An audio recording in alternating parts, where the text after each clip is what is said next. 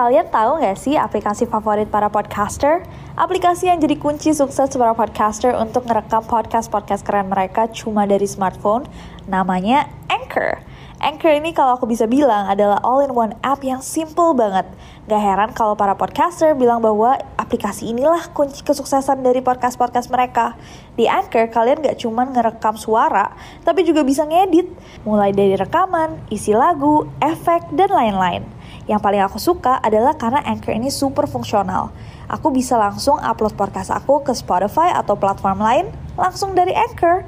Kalian bisa download Anchor di smartphone kalian langsung dari App Store, Play Store, atau dari web mereka www.anchor.fm. Trust me, Anchor is your best friend to create stunning podcasts. And you know what? It's totally free. Hey guys, it's Nancy. And welcome back to Nero. To Nero. To Nero. Kini Podcast Network. membunuh ibunya sendiri.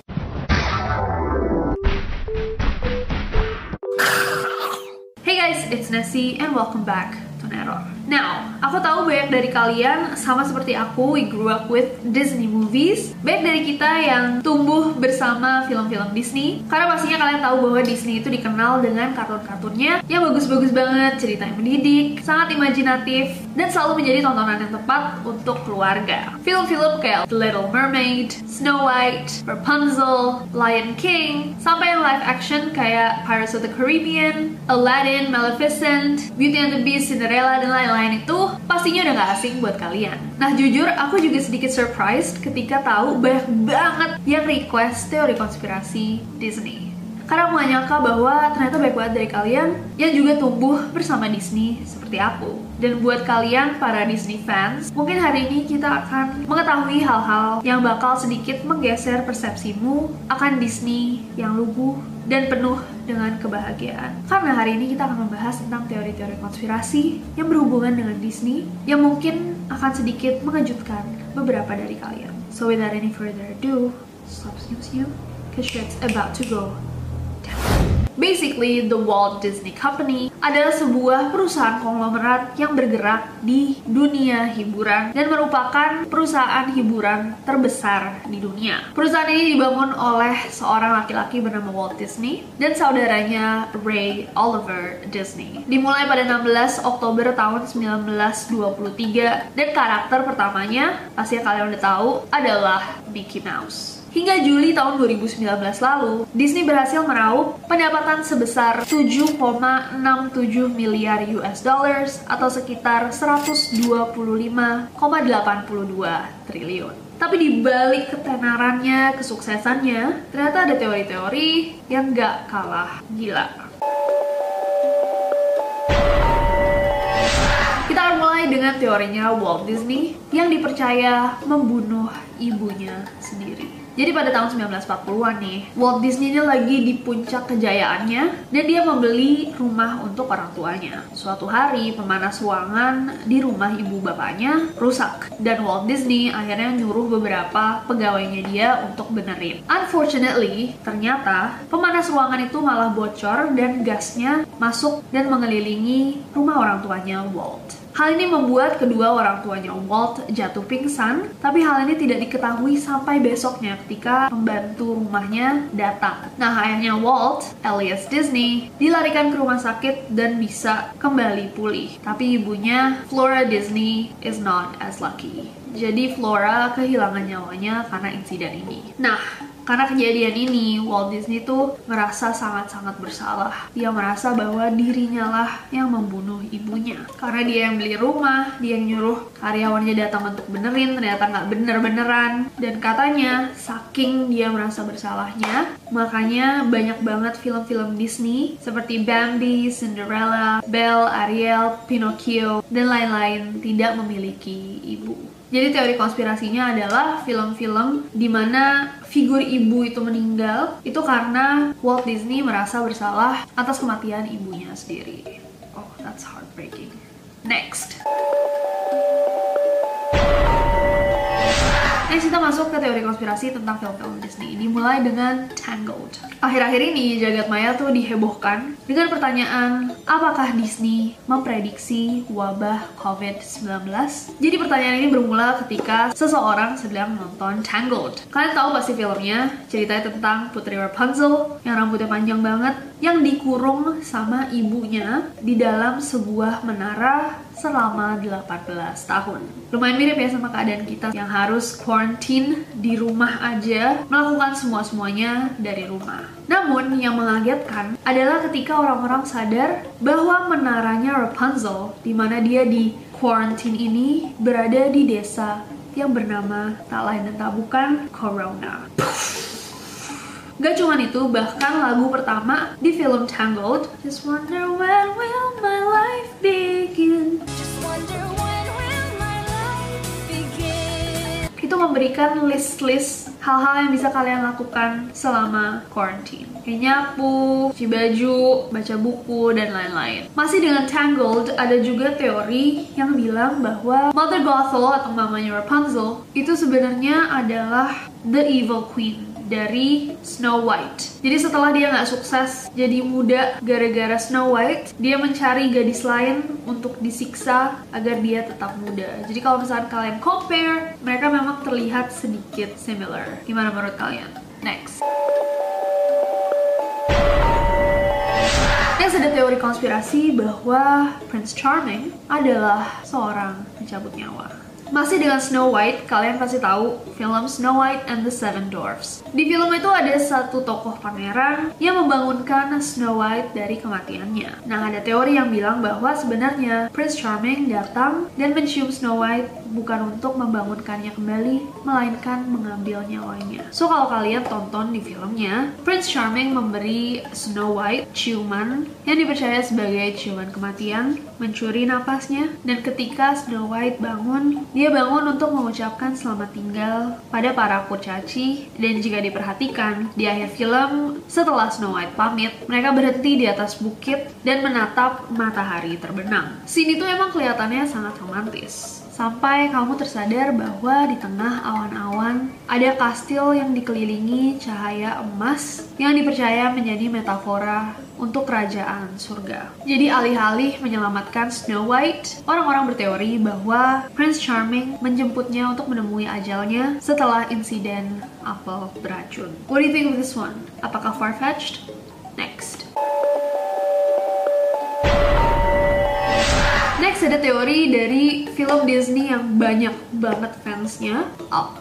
Jadi film Up ini buat yang nggak tahu bercerita tentang seorang kakek bernama Carl Fredrickson yang ditinggal sama istrinya dan akhirnya dia berpetualang dengan rumah balonnya bersama seorang anak kecil Russell. Nah di bagian awal filmnya kalian bisa melihat nih kenangannya Carl sama istrinya lalu Carl terbangun dari tidurnya. So ada teori yang bersirkulasi yang percaya bahwa Carl sebenarnya sudah meninggal dari awal film pas dia sedang tertidur. Jadi apa yang kita tonton sepanjang film merupakan gambaran Carl menuju afterlife-nya. Eh hey guys, aku mau sedikit sharing sih seputar aplikasi keren yang aku gunain buat bikin podcast ini.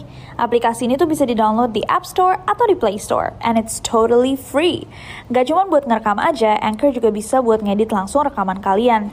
Kita bisa langsung nambahin back sound, effects, tambah lagu, bahkan Anchor juga bisa mendistribusikan podcast kita ke berbagai platform lainnya. Kayak aku nih, biasanya aku langsung upload podcast aku ke Spotify langsung dari Anchor. Jadi di mana pun aku berada, aku bisa buat podcast aku kapan pun dan di mana pun aku mau. Karena dia super gampang, aku jadi suka banget nih sama Anchor ini. Daripada kalian kepo, mendingan kalian langsung coba aja buat podcast sendiri pakai Anchor. It's super simple and free.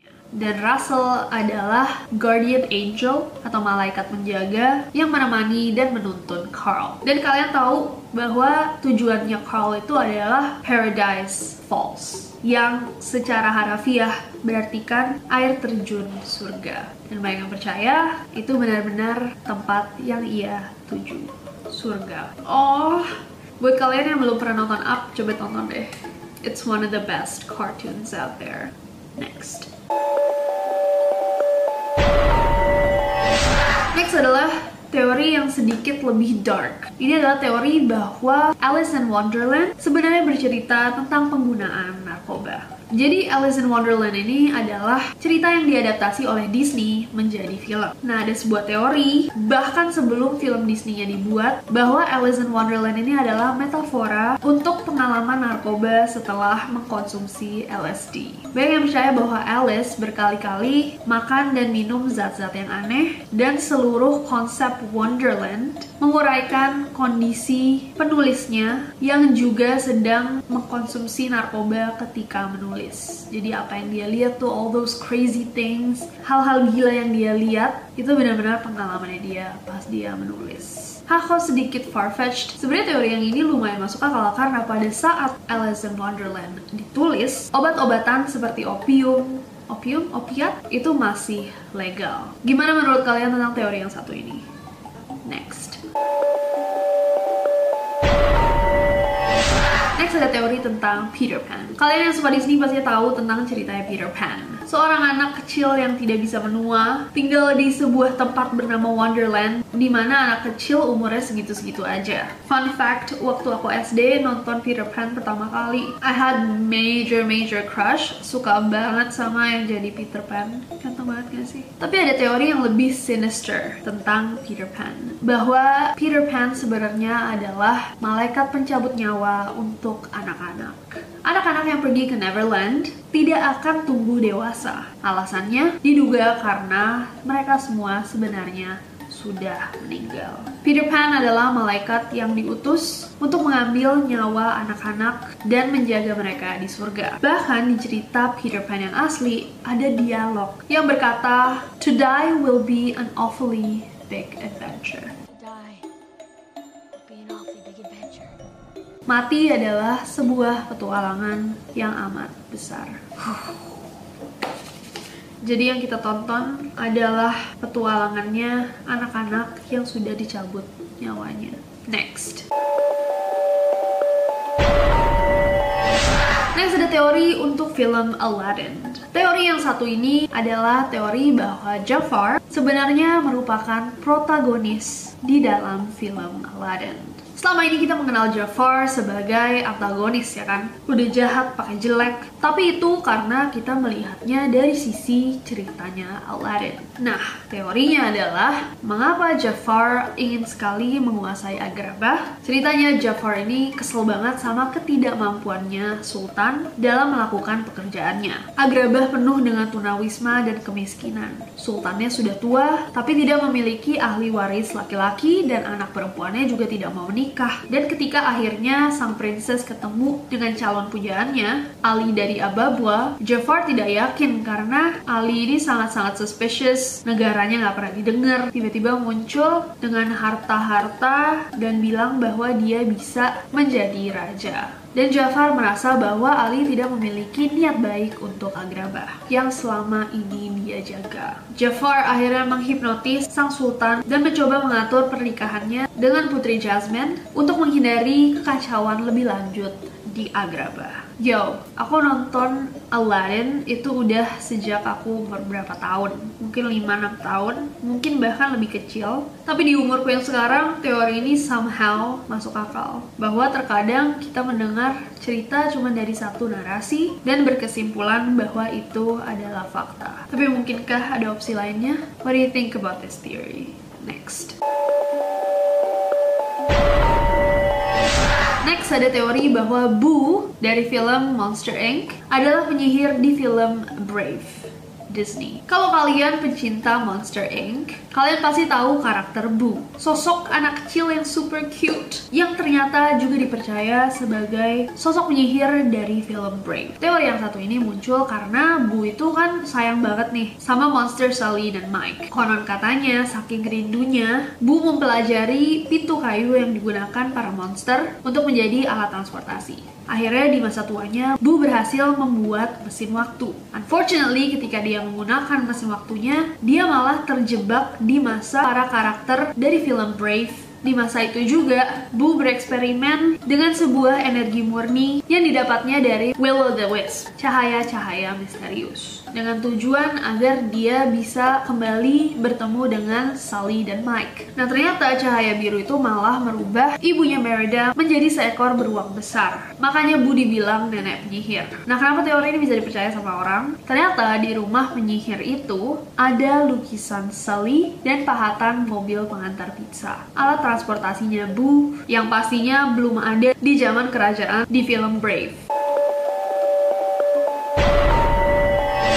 Dan yang terakhir ini adalah beberapa teori-teori tambahan. Yang pertama adalah bahwa Belle dari Beauty and the Beast mengidap Stockholm Syndrome. Stockholm Syndrome adalah satu kondisi di mana kalian jadi berempati dan menyukai orang yang menyakiti kalian atau dalam case yang ini menculik kalian karena kalian jadi mencoba mengerti kenapa mereka melakukan apa yang mereka lakukan. If that makes sense. Dan teori yang terakhir adalah bahwa semua pangeran Disney adalah jerks orang-orang yang buruk. Aladdin menggunakan cara licik dan bantuan jin untuk mendapatkan wanita yang dia inginkan. Prince Charmingnya Cinderella bilang jatuh cinta kepada Cinderella, padahal baru malam itu bertemu, lalu besoknya udah lupa mukanya Cinderella kayak apa. Beast adalah orang yang sangat toxic, sangat pemarah dan temperamen. Dia menculik Belle dari ayahnya, padahal Belle adalah orang asing untuknya. Dan Prince Charmingnya Snow White mencium Snow White ketika dia mati dan banyak yang percaya dia adalah seorang necrophile.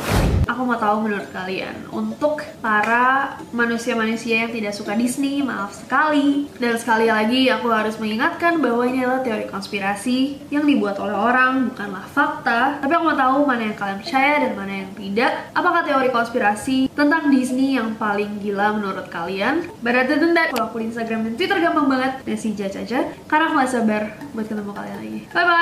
Thank you.